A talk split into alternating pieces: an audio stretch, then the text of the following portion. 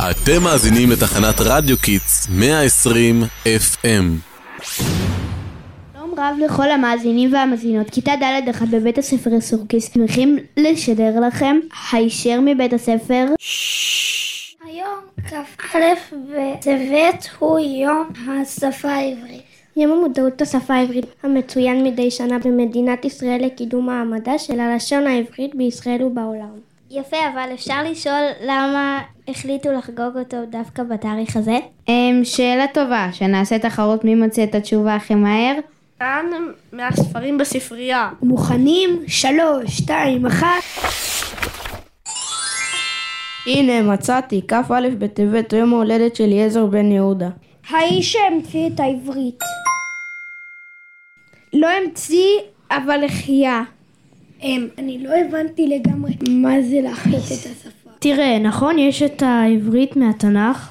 אויש, אל תזכיר לי, יש לי עבודה בתנ"ך לכתוב, אני לא מבינה כלום ממה שכתוב.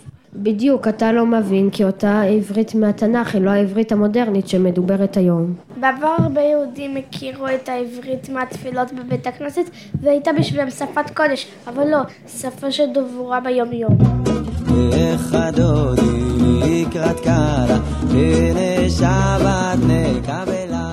בימים הראשונים של ההתיישבות היהודית בישראל הגיעו לכאן יהודים מכל מיני מקומות בעולם וכל אחד מהם דיבר שפה אחרת, גרמנית, פולנית, הונגרית, מרוקאית, טורקית ועוד ועוד.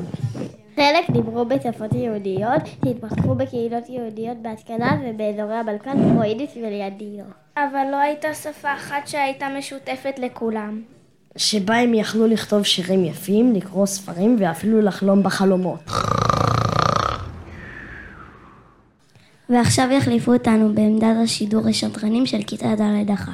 יפה, בוא נמשיך בנקודת הזמן שבה הגיע בחור בשם אליעזר בן יהודה, שנולד בשם אליעזר יצחק פרלמן ומאוחר יותר שינה את שמו. מגיל צעיר הוא נשבע בקסמי העברית, שלמד במסגרת לימוד התורה והשקיע בלחקור וללמוד אותה לעומק. כשהגיע לארץ ישראל פעל כדי להפיץ את העברית כשפת יומיום בקרב היהודים. הוא הקפיד לדבר רק עברית עם ילדיו, הקים אגודות מיוחדות לקידום העברית, ערך עיתון עברי לילדים ולימד עברית בבתי הספר. הוא הוסיף מילים חדשות לשפה העברית כדי לייצג דברים שלא היו קיימים בתקופת התנ"ך.